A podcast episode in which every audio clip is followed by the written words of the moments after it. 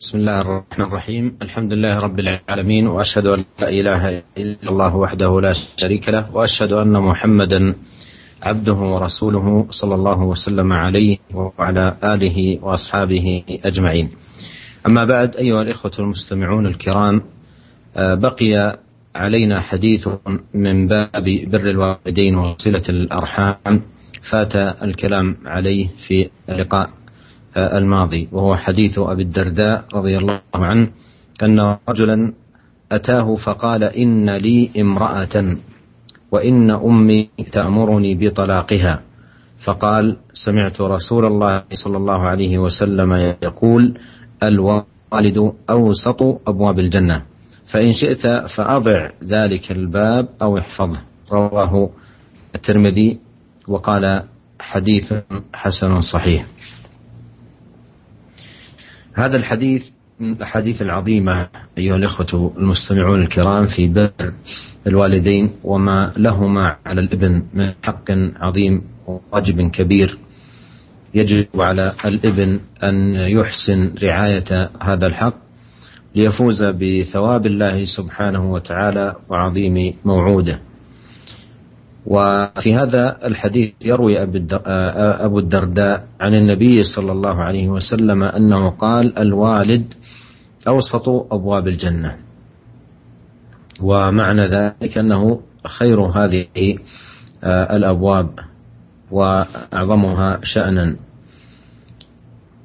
قال الوالد أوسط أبواب الجنة فإن شئت فأضع ذلك الباب أو احفظه. ومعنى ذلك أن بر الوالدين من أعظم موجبات وأسباب دخول الجنة وعقوق الوالدين من أعظم أسباب الحرمان من الدخول. لهذا قال فإن شئت فأضع ذلك الباب أو احفظ وفي الحديث أن الرجل قال لأبي الدرداء إن لي امرأة وإن أمي تأمرني بطلاقها. وإن أمي تأمرني بطلاقها هذه مسألة فيها تفصيل سبق الإشارة إليه في اللقاء الماضي Bismillahirrahmanirrahim. Alhamdulillah. Segala puji dan syukur kita panjatkan kehadirat Allah Subhanahu wa taala. Salawat dan salam semoga senantiasa tercurahkan kepada suri teladan kita, junjungan kita Nabi Muhammad sallallahu alaihi wasallam, keluarganya dan juga seluruh sahabat beliau tanpa terkecuali. Para pendengar Radio Raja di mana pun anda berada, uh, masih tersisa satu hadis dari bab tentang birrul walidain dan menyambung silaturahmi yang kemarin sempat terlewatkan untuk kita bicarakan yaitu sebuah hadis uh, dari Abu Darda radhiyallahu taala anhu bahwasanya ada seseorang lelaki yang datang menemui Abu Darda radhiyallahu taala anhu. Kemudian dia bertanya. Dia berkata inna limra'atan wa inna ummi ta'muruni bi talaqiha saya memiliki seorang istri akan tapi ibuku memerintahkan saya untuk menceraikan istriku. Maka apa kata Abu Darda radhiyallahu taala anhu? Beliau berkata aku mendengar Rasulullah Shallallahu Alaihi Wasallam bersabda, al walidu awsatu abwabil jannah. Orang tua itu adalah pintu yang paling tengah dari pintu-pintu surga. Fa in syi'ta dzalik. Jika kau berkehendak, maka luputkanlah pintu surga tersebut darimu. Awih fadhu. Dan jika kau berkehendak, maka jagalah pintu tersebut. Hadis ini hadis yang diriwayatkan Imam Tirmidzi dan beliau berkata hadisun hasanun sahih. Para pendengar yang dirahmati oleh Allah Subhanahu wa taala, hadis ini merupakan salah satu dari hadis-hadis yang agung yang menjelaskan tentang bagaimana kedudukan yang tinggi dari bentuk berbakti kepada kedua orang tua. Bahwasanya kedua orang tua, baik ayah maupun ibu memiliki hak yang besar yang wajib ditunaikan oleh seorang anak dan seorang anak wajib untuk menjaga hak tersebut sehingga dia bisa meraih kemenangan yang nyata dari Allah Subhanahu wa taala dan meraih pahala yang besar yang telah dijanjikan oleh Allah Subhanahu wa taala. Abu Darda dalam hadis ini menjelaskan bahwasanya Nabi SAW pernah bersabda, "Al-walid awsatu abwabil jannah." Bahwasanya orang tua itu merupakan pintu surga yang paling tengah. Ya, yang ini menunjukkan bahwasanya pintu surga tersebut pintu yang paling terbaik, pintu yang paling agung, pintu yang paling mulia, yaitu pintu yang paling tengah dari pintu-pintu surga. Kemudian eh, Rasulullah SAW menjelaskan ya bahwasanya fa in syi'ta kalau kau berkehendak maka luputkanlah itu eh, engkau lenyaplah pintu tersebut darimu atau jika kau berkehendak ihfadhu. Jika kau berkehendak maka jagalah pintu tersebut. Artinya apa maknanya ini? Maksudnya yaitu bahwasanya uh, birrul walidain merupakan sebab terbesar seorang untuk masuk dalam surga. Ya, bahkan surga yang terbaik. Karena orang tua merupakan pintu surga yang terbaik. Dan jika seorang melalaikan hak kewajiban terhadap orang tua, itu juga merupakan sebab terbesar yang bisa menghalangi dia dari masuk ke dalam surga Allah Subhanahu wa taala. Dan dalam hadis ini uh, dikisahkan ada seorang laki yang mendatangi Abu Dzar radhiyallahu taala anhu dan menceritakan bahwasanya dia memiliki seorang istri akan tetapi ibunya menyuruhnya untuk menceraikan istrinya. Dan masalah ini telah kita jelaskan perinciannya pada pertemuan kemarin.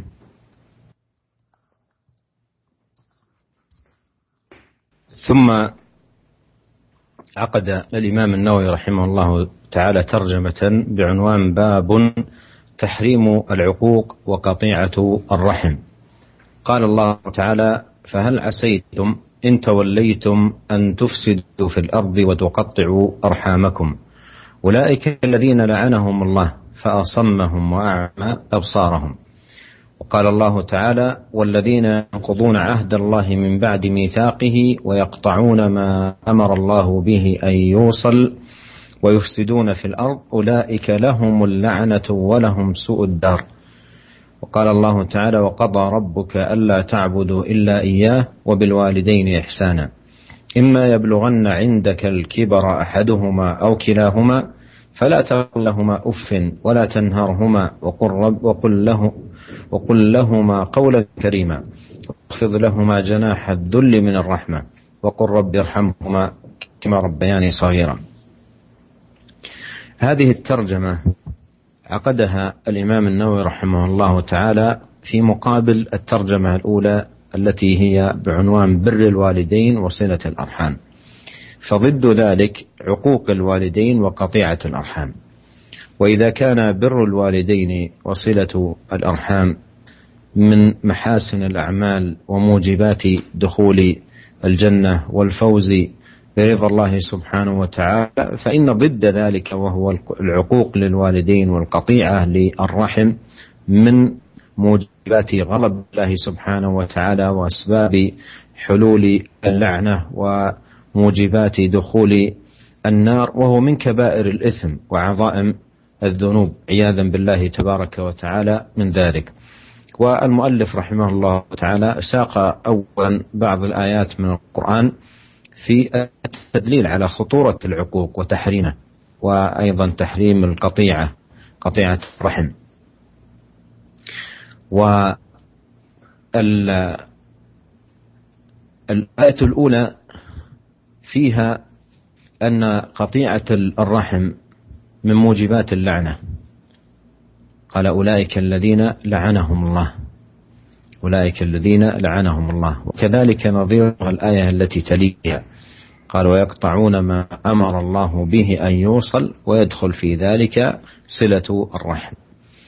والآية الثالثة فيها الأمر بحفظ حق الوالدين وتذكر الإحسان العظيم والجميل السابق الذي نال الابن من والديه وأن الواجب عليه أن يحذر من العقوق وأن يكون برا بوالديه محسنا إليهما وأن يحذر من القطيعة ولو بالتأفف. يحذر من العقوق ولو بالتأفف فلا تقل لهما أف ولا تنهرهما. هذا التأفف والنهر للوالدين وإغلاظ القول عليهما ورفع الصوت وزجر الوالدين ونحو ذلك هذا كله داخل في العقوق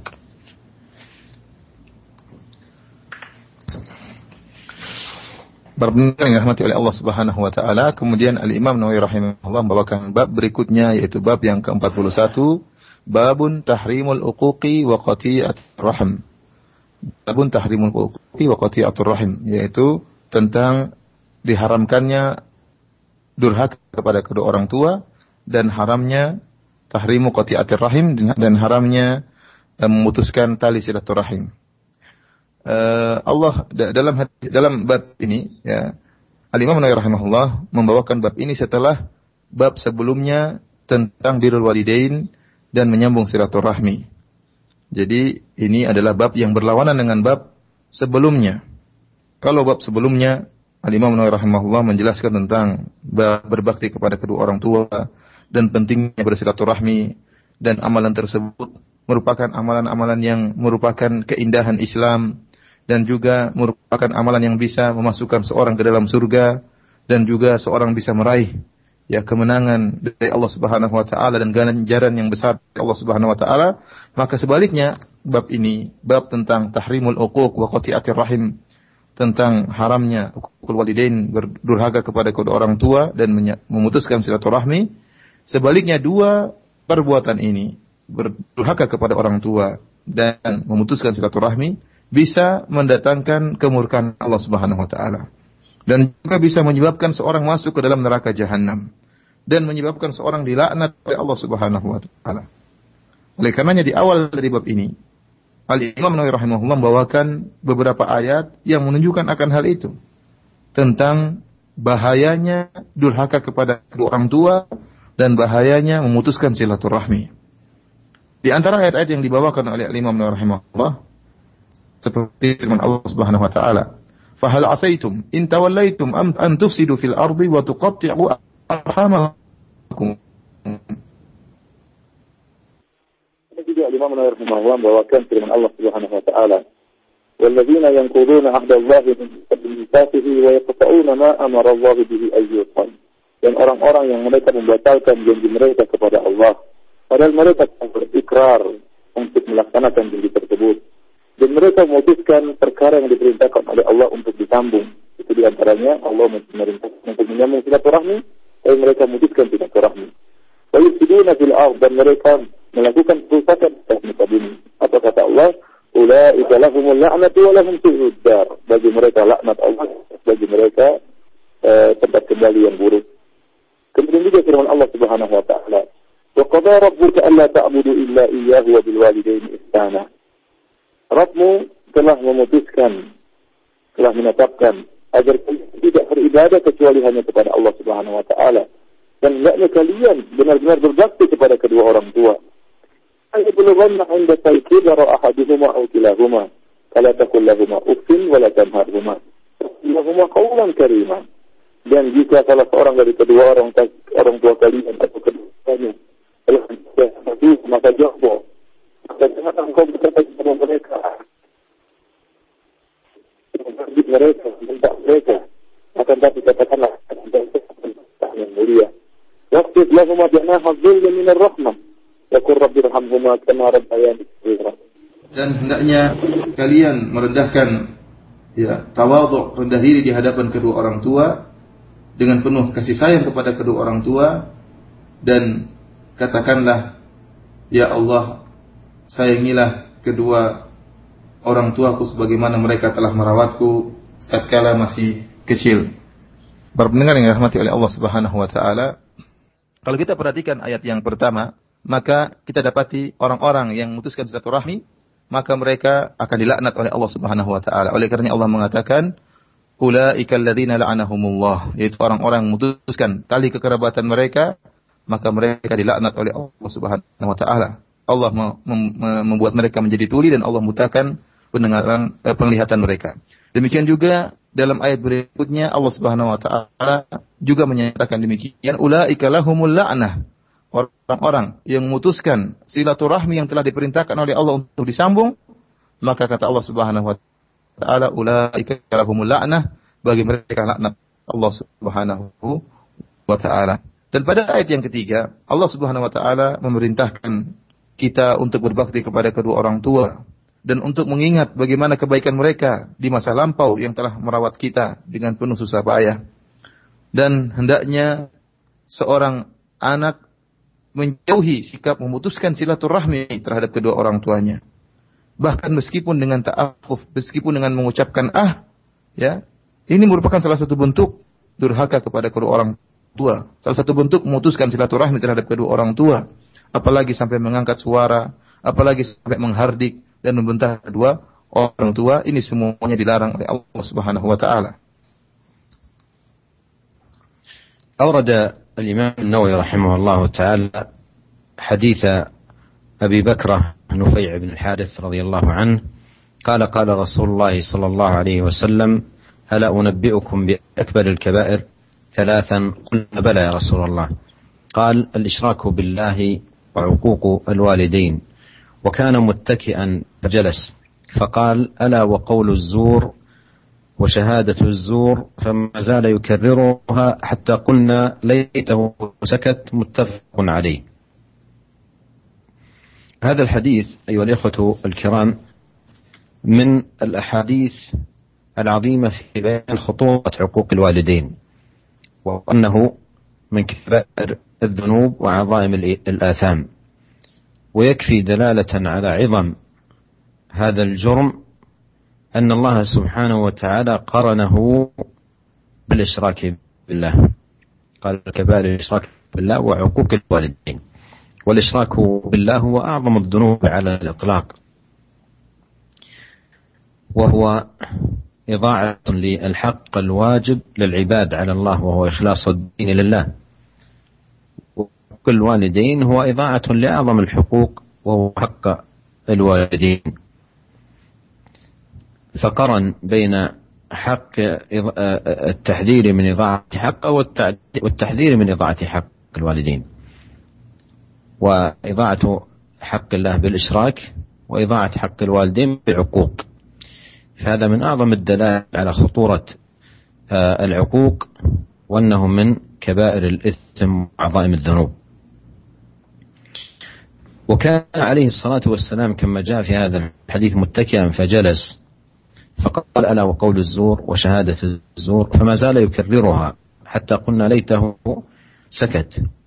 وهذا فيه التحذير من قول الزور وهو الكذب وشهادة الزور وهو الشهادة بالكذب. محذرا من ذلك وكان عليه الصلاة والسلام متكئا فجلس تنبيها على خطورة هذا الأمر وأن الذي يكذب يشهد شهادة الزور ويقول قول الزور أساء لنفسه إساءة عظيمة جدا بفعله لهذه الكبيرة العظيمة من كبائر الذنوب. وأيضا أساء إلى المشهود له لأنه آه، مكنه من أخذ مال لا يستحقه بتلك الشهادة. وأيضا أساء من أساء إلى المشهود عليه لأنه ظلمه. شهادة الزور خطيرة جدا وأضرارها جسيمة وهي معدودة في كبائر الذنوب وعظائم الآثام. Kemudian Imam Nawawi rahimahullah membawakan hadis yang pertama dari sahabat Abu Bakar Nufai bin Al-Harith radhiyallahu taala anhu. Beliau berkata, Rasulullah sallallahu alaihi wasallam pernah bersabda, "Ala unabbiukum bi akbaril kabair?" Maukah aku kabarkan kepada kalian tentang dosa besar yang paling besar? Rasulullah SAW mengucapkannya tiga kali. Maukah aku kabarkan kepada kalian tentang dosa terbesar dari dosa-dosa besar? Kulna bala ya Rasulullah. Kami berkata, tentu ya Rasulullah. Kemudian Rasulullah SAW berkata, La isyraku billah. Berbuat syirik kepada Allah Subhanahu Wa Taala. Wa uququl walidain. Dan durhaka kepada kedua orang tua. Wa kana muttaki'an fajalasa. Nabi SAW tadinya berbaring, kemudian Rasulullah atau bersandar. Kemudian Rasulullah SAW duduk, Kemudian beliau berkata, "Ala wa qaulu zur." Hati-hatilah terhadap perkataan dusta. Wa syahadatu zur. Dan hati-hatilah kalian terhadap ya, persaksian yang dusta. Famazala yukarriruha hatta qulna daitahu sakat. Nabi SAW terus mengulang-ulangi hal ini Ya bahwasanya di antara dosa terbesar yang paling besar kata Nabi SAW perkataan dusta dan persaksian dusta, perkataan dusta dan persaksian dusta, perkataan dusta dan persaksian dusta. Rasulullah SAW mengulang mengulanginya terus terus sampai-sampai kami berkata seandainya beliau diam. Hadis ini hadis yang sahih yang diriwayatkan oleh Imam Al Bukhari dan Imam Muslim dalam sahih mereka berdua. Para pendengar yang dirahmati oleh Allah Subhanahu Wa Taala, hadis ini merupakan salah satu dari hadis-hadis yang agung yang menjelaskan tentang besarnya atau bahayanya bentuk durhaka kepada kedua orang tua. Bahwasanya durhaka kepada kedua orang tua merupakan salah satu dari dosa-dosa besar, bahkan dosa terbesar dari dosa-dosa besar. Ya. Cukup kita mengetahui tentang besarnya dosa berdurhaka kepada kedua orang tua. Dalam hadis ini Allah Nabi Shallallahu Alaihi Wasallam menggandengkan tentang durhaka kepada kedua orang tua dengan dosa kesyirikan. Rasulullah SAW gandengkan antara dosa syirik dengan dosa durhaka kepada kedua orang tua. Dan kita tahu bahwasanya dosa syirik merupakan dosa terbesar secara mutlak. Tidak ada yang bisa dibandingkan dengan kesyirikan. Kesyirikan lebih besar daripada dosa membunuh, daripada dosa apa pun, mencuri, lebih, lebih besar dosa syirik kepada Allah Subhanahu wa taala. Ternyata dosa syirik ini digandengkan oleh Rasulullah wasallam dengan dosa durhaka kepada kedua orang tua. Ini menunjukkan akan besarnya dosa durhaka kepada kedua orang tua. Kalau kesyirikan merupakan bentuk dari menyia-nyiakan hak Allah Subhanahu wa taala. Allah memiliki hak yang tidak bisa diganggu gugat yaitu Allah adalah satu-satunya yang berhak untuk disembah. Akan tapi kalau seorang malaikat hak ini maka dia terjerumus dalam kesyirikan kepada Allah Subhanahu wa taala. Demikian pula tentang durhaka kepada kedua orang tua. Orang tua memiliki hak untuk dihormati, untuk dibaiki. Ya. Akan tapi seorang tatkala melalaikan hak ini, maka dia telah terjerumus dalam durhaka kepada kedua orang tua. Dan ini merupakan salah satu dosa terbesar dari dosa-dosa besar. Kemudian Nabi Shallallahu Alaihi Wasallam hadis ini disebutkan oleh Abu Bakar. Nabi Shallallahu Alaihi Wasallam karena mutakian. Rasulullah SAW tadinya bersandar atau berbaring. Kemudian fajalasa. Kemudian Nabi Shallallahu Alaihi Wasallam pun duduk dan berkata, Ala wa qawlu zur wa zur. Hati-hatilah kalian terhadap perkataan dusta dan hati-hati kalian terhadap persaksian dusta. Rasulullah Wasallam terus mengulang-ulangi perkataan beliau tersebut sampai-sampai para sahabat menyatakan seandainya beliau diam atau berhenti dari perkataannya tersebut. Hal ini menunjukkan akan bahayanya perkataan dusta dan juga bahayanya persaksian dusta. Kenapa? Karena seorang yang melakukan persaksian dusta, sungguhnya dia telah berbuat buruk kepada dirinya sendiri. Ya, kenapa? Dia telah melakukan dosa besar. Dia telah berbuat buruk kepada dirinya sendiri, mencelakakan dirinya sendiri dengan melakukan dosa besar. Kemudian dia juga telah berbuat buruk kepada orang yang dia bela dengan persaksian dosanya tersebut. Dia bela orang tersebut dengan persaksian dusta, kenapa orang tersebut akhirnya mengambil harta orang lain dengan kezaliman tanpa hak dia mengambil harta orang lain karena persaksian dusta yang dilakukan oleh orang ini. Kemudian yang ketiga dia telah berbuat kezaliman juga, berbuat uh, keburukan kepada lawan dari orang tersebut. Ya, kenapa orang tersebut telah terzalimi? Haknya diambil, hartanya diambil karena persaksian dari orang ini persaksian dusta. Oleh karenanya seorang melakukan persaksian dusta, sungguhnya dia telah melakukan salah satu dari dosa terbesar dari dosa-dosa besar. أورد رحمه الله تعالى حديث عبد الله بن عمرو بن العاص رضي الله عنهما عن النبي صلى الله عليه وسلم قال الكبائر الإشراك بالله وعقوق الوالدين وقتل النفس واليمين الغموس رواه البخاري. قال اليمين الغموس التي يحلفها كاذبا عامدا سميت غموسا لأنها تغمس الحالف في الإثم. هذا الحديث عدد فيه النبي عليه الصلاة والسلام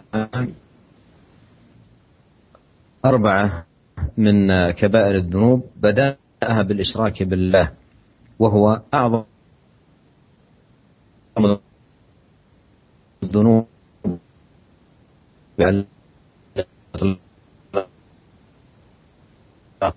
ثم قرن به مباشرة عقوق الوالدين. هو نظير حديث أبي بكرة المتقدم في الدلالة على خطورة العقوق وأنه من كبائر الذنوب وعظائمها وأنه قرن بالإشراك بالله سبحانه وتعالى. ثم ذكر قتل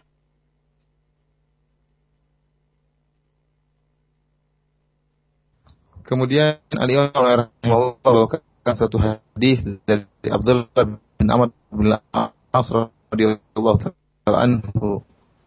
Dari Nabi sallallahu alaihi wasallam beliau berkata al-kabair dosa-dosa besar adalah al-isyraku billah berbuat syirik kepada Allah Subhanahu wa taala wa uququl walidain dan durhaka kepada kedua orang tua wa qatlun nafs dan membunuh jiwa wal yaminul wamus dan persaksian yang dusta. Hadis yang diriwayatkan oleh Imam Al-Bukhari Para pendengar yang dirahmati oleh Allah Subhanahu wa taala, dalam hadis ini Rasulullah Shallallahu Alaihi Wasallam menyebutkan empat dosa-dosa besar. Dan yang paling besar di antara empat dosa-dosa besar tersebut adalah kesyirikan kepada Allah Subhanahu wa taala. Ini dosa besar secara mutlak yang paling besar. Kemudian Rasulullah SAW menyebutkan tentang durhaka kepada kedua orang tua. Nabi SAW menggandengkan antara berbuat syirik dengan durhaka kepada kedua orang tua. Dan ini sama seperti hadis sebelumnya, hadis Abu Bakar yang telah kita bahas tadi. Tatkala digandengkan antara syirik kepada Allah dan durhaka kepada orang tua menunjukkan akan besarnya dosa durhaka kepada kedua orang tua. Kemudian juga Nabi SAW menyebutkan tentang qatlun membunuh jiwa, seorang membunuh tanpa hak.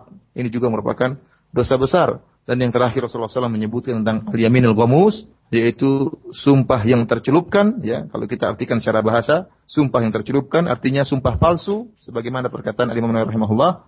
Al yaminul ghamus allati yahlifuha kadziban amidan summiyat ghamusan li'annaha takhmisul halifa fil itsm al yaminul ghamus yaitu sumpah yang dilakukan oleh seorang dengan sengaja dengan dusta secara sengaja dan dinamakan dengan gomus ya yang artinya tercelupkan atau menenggelamkan Kenapa? Karena sumpah palsu tersebut akan menenggelamkan orang yang bersumpah palsu tadi ke dalam uh, dosa.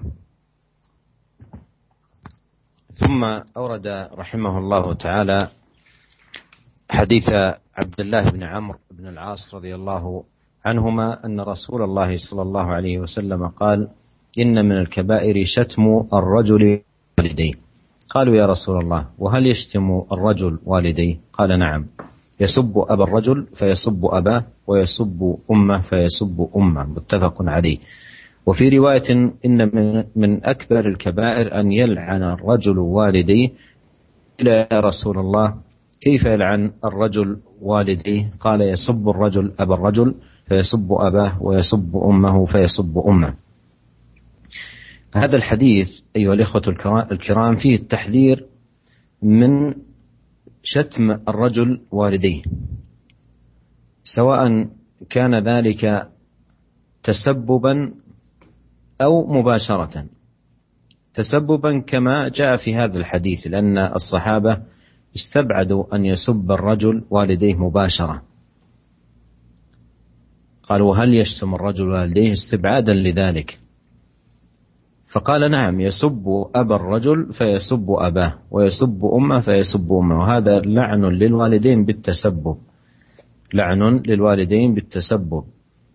ودل الحديث على أن المتسبب في فعل الشيء وحصوله بمنزلة المباشر له والفاعل له. ولهذا لما الرجل في شتم والديه كان كمن سبهما مباشرة. والنوع الثاني من سب الوالدين السب المباشر والعياذ بالله. وفي الحديث لعن الله من لعن والديه. حديث علي رضي الله عنه. فلعن الوالدين سواء كان مباشرة أو تسببا من كبائر الذنوب وعظائم الآثام. والتسبب في سب الوالدين هو أن يشتم الرجل أقرباء الناس. يعني يشتم أبا شخص أو أمه.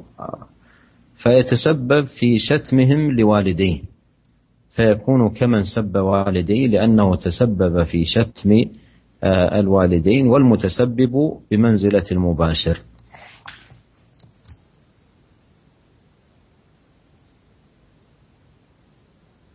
Kemudian Al-Imam Nawawi rahimahullah membawakan hadis berikutnya juga dari sahabat Abdullah bin Amr bin As radhiyallahu anhu bahwasanya Rasulullah sallallahu alaihi wasallam bersabda, Minal kabair syatmur rajuli walidayhi. Di antara bentuk dosa-dosa besar adalah seorang mencela kedua orang tuanya. Qalu ya Rasulullah, wa hal yashtimur rajulu walidayhi? Maka para sahabat berkata, "Ya Rasulullah, apakah ada seorang yang mencela kedua orang tuanya?" Kata Nabi sallallahu alaihi wasallam, "Na'am, benar ada. Yasubbu abar rajuli fayasubbu abahu." Dia mencela ayahnya orang lain, kemudian orang lain tersebut akhirnya mencela ayahnya pula wa yasubbu ummahu fayasubbu ummahu. Dia mencela ibunya seseorang, maka orang tersebut pun mencela ibunya. Hadis ini hadis yang sahih diriwayatkan Imam Bukhari dan Imam Muslim. Dalam riwayat yang lain, inna min akbaril kabair ayyal ana rajulu walidayhi. Di antara dosa besar yang paling besar yaitu seorang laki melaknat kedua orang tuanya. Maka dikatakan, wahai Rasulullah, bagaimana seorang melaknat kedua orang tuanya? Maka Nabi SAW menjelaskan, ya subur rojulu abar rojuli, seorang mencela ayah orang lain, fayasubu abahu, maka orang itu pun mencela ayahnya. Wa yasubu ummahu fayasubu ummahu. Dia mencela ibunya orang lain, maka orang lain tersebut mencela ibunya. Para pendengar yang dirahmati oleh Allah Subhanahu wa taala, hadis ini menjelaskan tentang peringatan akan bahayanya mencela kedua orang tua. Apakah dengan secara secara langsung mencela kedua orang tua secara langsung ataupun tasabbuban yaitu dia yang menyebabkan timbulnya pencelaan tersebut atau timbulnya pelaknatan tersebut. Sebagaimana yang disebutkan dalam hadis ini. Ya, tatkala Nabi sallallahu alaihi wasallam menjelaskan tentang ada seorang lelaki yang mencela atau melaknat kedua orang tuanya, maka para sahabat heran. Para sahabat heran akan apakah mungkin terjadi demikian? Sehingga mereka mengatakan, "Ya Rasulullah, wa hal yashtimu rajulu walidayhi?" Apakah ada seorang yang mencela kedua orang tuanya? Ini perkara yang aneh.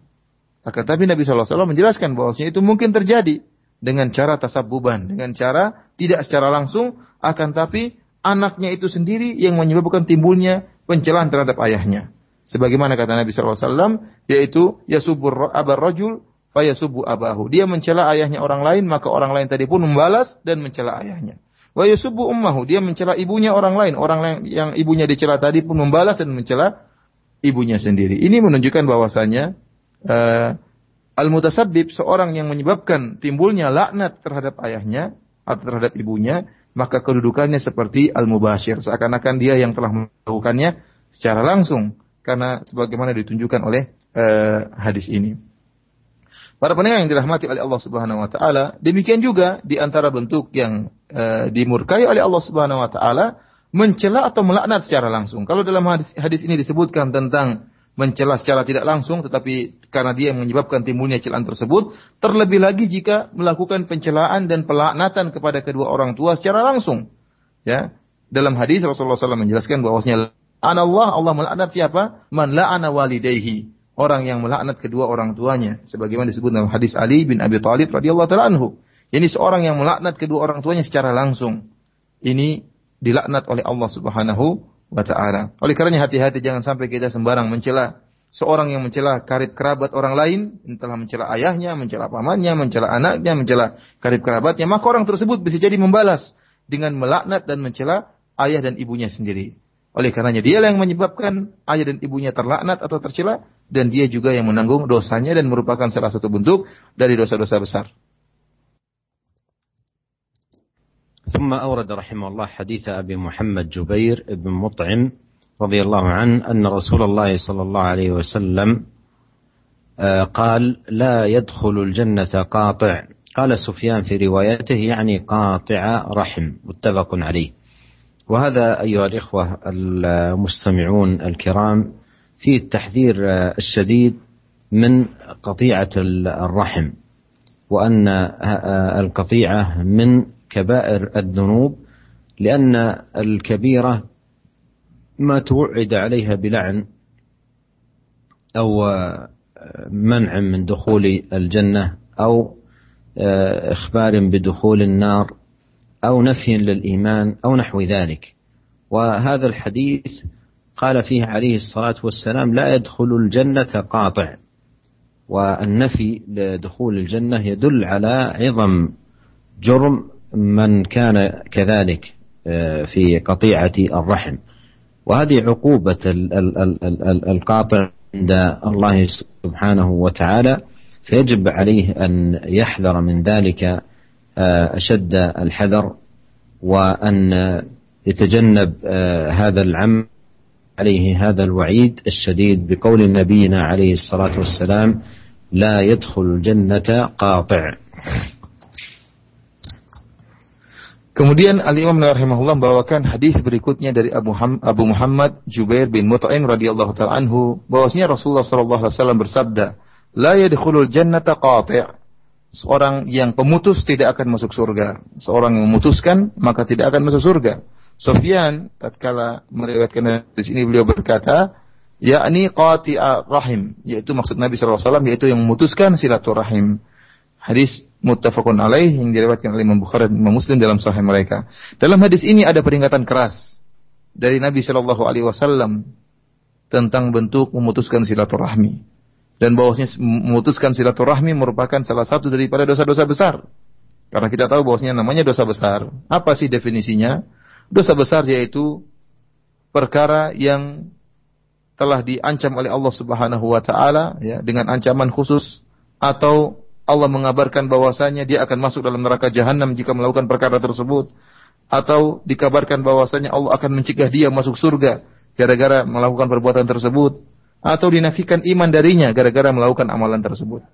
Dan dalam hadis ini dijelaskan kata Rasulullah SAW, la yadkhulul jannah. Dia tidak akan masuk surga. Siapa orang yang memutuskan silaturahmi?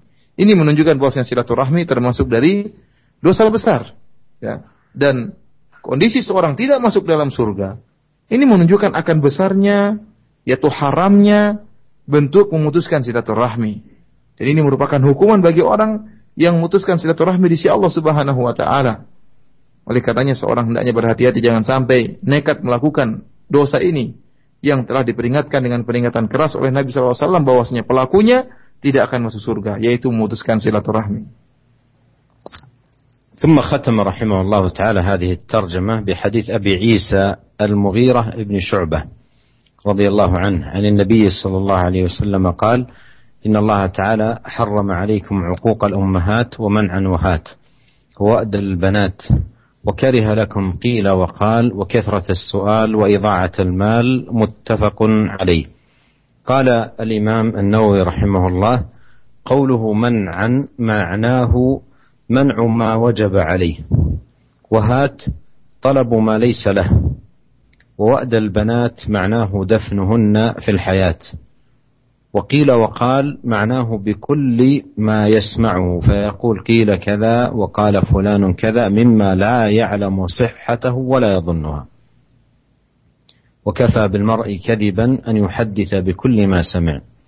واضاعه المال تبذيره وصرفه في غير الوجوه المأذون فيها من مقاصد الآخرة والدنيا وترك حفظه مع إمكان الحفظ.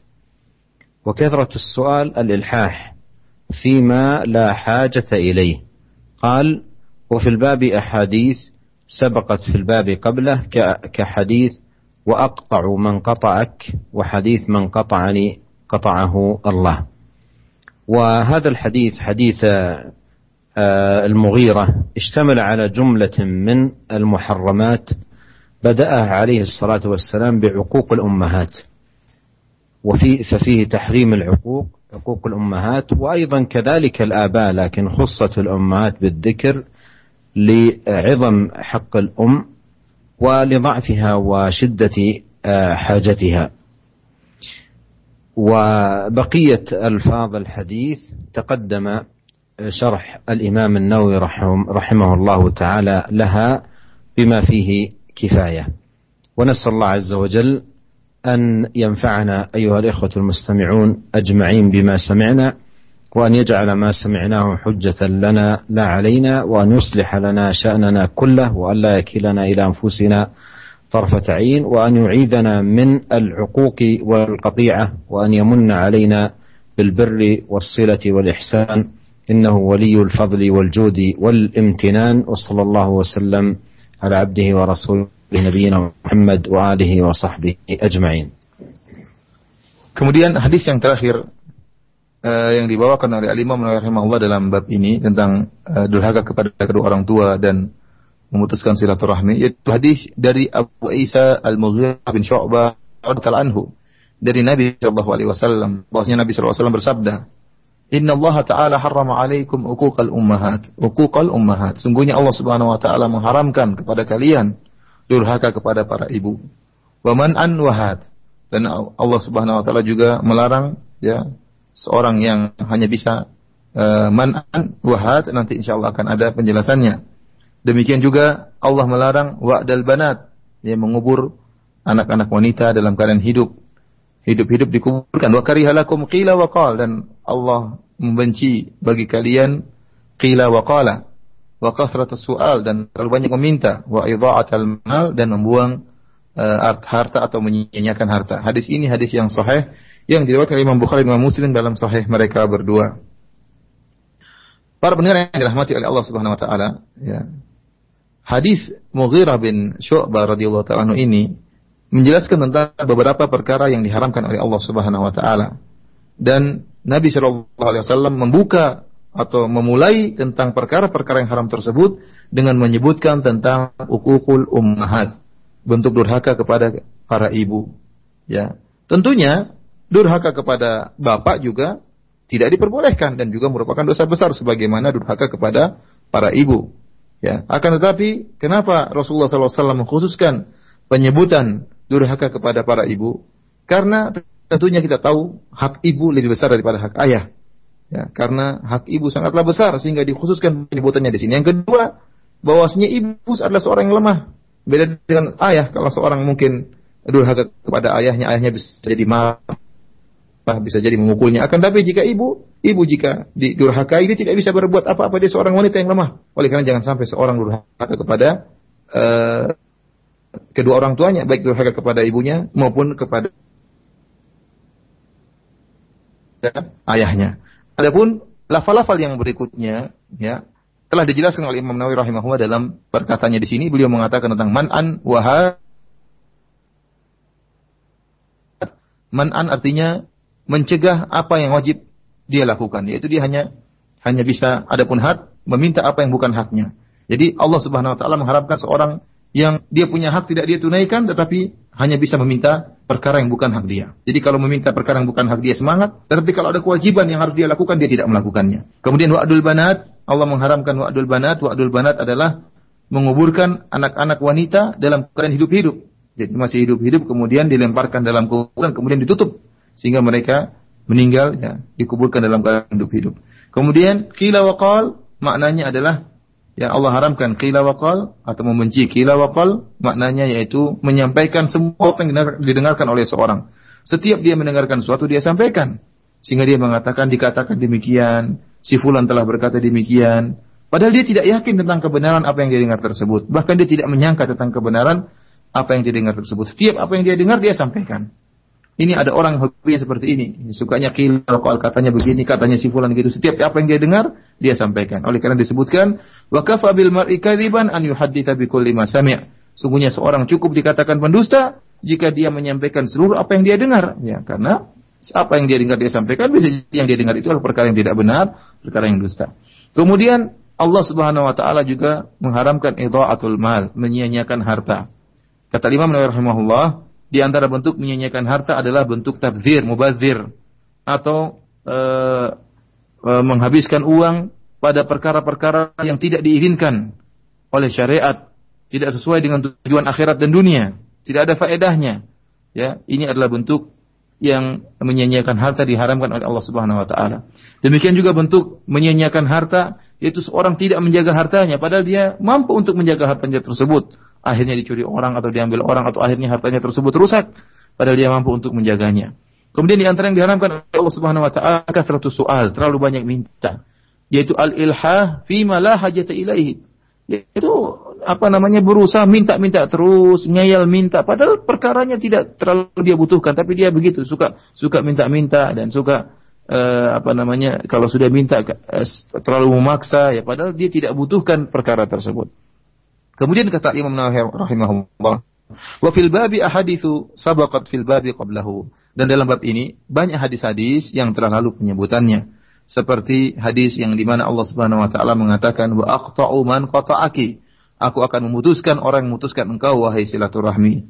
Demikian juga hadis uh, silaturahmi pernah, rahim pernah berkata, "Man qata'ani qata'ahullah." Barang siapa yang memutuskanku, maka Allah akan memutuskannya. Demikianlah para pendengar yang dirahmati oleh Allah Subhanahu wa taala, apa yang bisa disampaikan Syekh pada kesempatan kali ini. Semoga Allah Subhanahu wa taala senantiasa memberikan taufiknya kepada kita dan semoga Allah Subhanahu wa taala meluruskan langkah-langkah kita di atas jalan yang benar dan semoga Allah Subhanahu wa taala menjauhkan kita dari sikap durhaka kepada kedua orang tua dan semoga Allah Subhanahu wa taala mudahkan kita untuk bisa berbakti kepada kedua orang tua, mengambil kesempatan yang sangat besar yang Allah, lapangkan untuk bisa masuk dalam surga Allah Subhanahu wa taala. Demikian saja, selanjutnya saya kembalikan kepada akhi Fawwa. Hafizahullah taala. Baik. Jazakallah khairan kepada Fadilatul Syekh dan Al Ustaz yang telah menerjemahkan. Untuk selanjutnya Khotar Islam ada eh, 5 menit waktu kita untuk menyampaikan pertanyaan yang telah masuk melalui pesan singkat di sore hari ini. Yang pertama dari pendengar kita, ya Syekh Barakallahu Fi. Bagaimanakah apabila orang tua kita mempunyai pekerjaan atau penghasilan yang haram, semisal dari uh, pajak, yang membuat saya dan keluarga malas untuk bersilaturahim kepada mereka. Saya dan anak-anak sering diberikan makan dan minum oleh orang tua yang berpenghasilan haram tersebut. Bagaimanakah nasihat Syekh terhadap hal ini? Jazakallah khairan.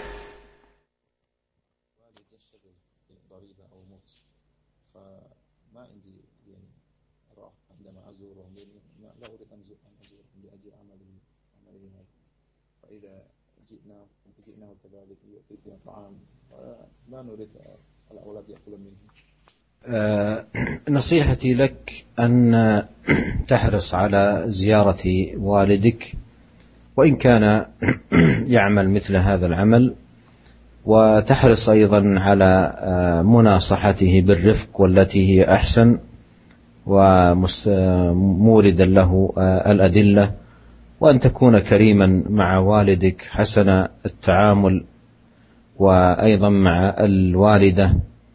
فهذا من حقوق الوالدين العظيمة. إذا كان الوالد لو كان على الشرك ويدعو ابنه على الشرك نهي عن القطيعة والمقاطعة.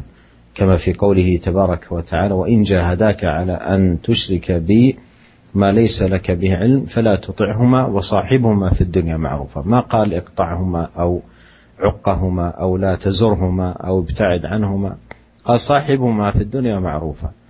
والذي يعمل في المكس دون ذلك. فالواجب عليك أن تحرص على زيارة الوالدين وتقديم الخدمة والإحسان لهما. فهذا من الأمور التي يلزمك العناية بها. ونسأل الله الكريم رب العرش العظيم أن يوفقنا وإياكم أيها الإخوة المستمعون لكل خير. إنه سميع قريب مجيب. وشكر الله لكم حسن استماعكم وطيب متابعتكم وشكر الله للإخوة القائمين على هذه الإذاعة والإذاعات المتعاونة وفق الله الجميع لكل خير والسلام عليكم ورحمة الله وبركاته Uh, Syekh menasihatkan kepada yang bertanya hendaknya terus menziarahi kedua orang tuanya ya meskipun ayahnya uh, demikianlah pekerjaannya ya dan senantiasa dia berusaha untuk terus senantiasa menasihati ayahnya dan jangan lupa tatkala menasihati dengan cara yang lembut juga mendatangkan dalil-dalil dari Al-Qur'an dan Sunnah tentang uh, uh, pekerjaan ayahnya tersebut. Ya dan hendaknya dia menjadi anak yang baik kepada ayahnya, demikian juga kepada ibunya, muamalah yang indah terhadap keduanya.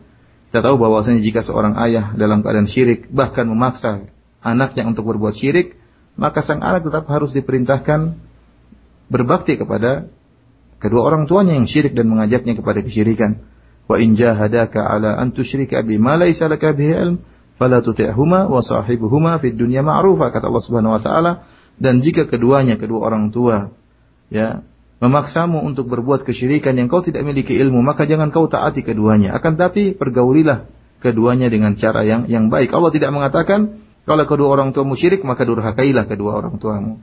Kalau kedua orang tuamu musyrik maka jangan kunjungi kedua orang tuamu. Allah tidak mengatakan kalau kedua orang tuamu musyrik maka putuskanlah silaturahmi. Akan tapi Allah menyuruh wasahibuhuma fid dunya ma'rufa.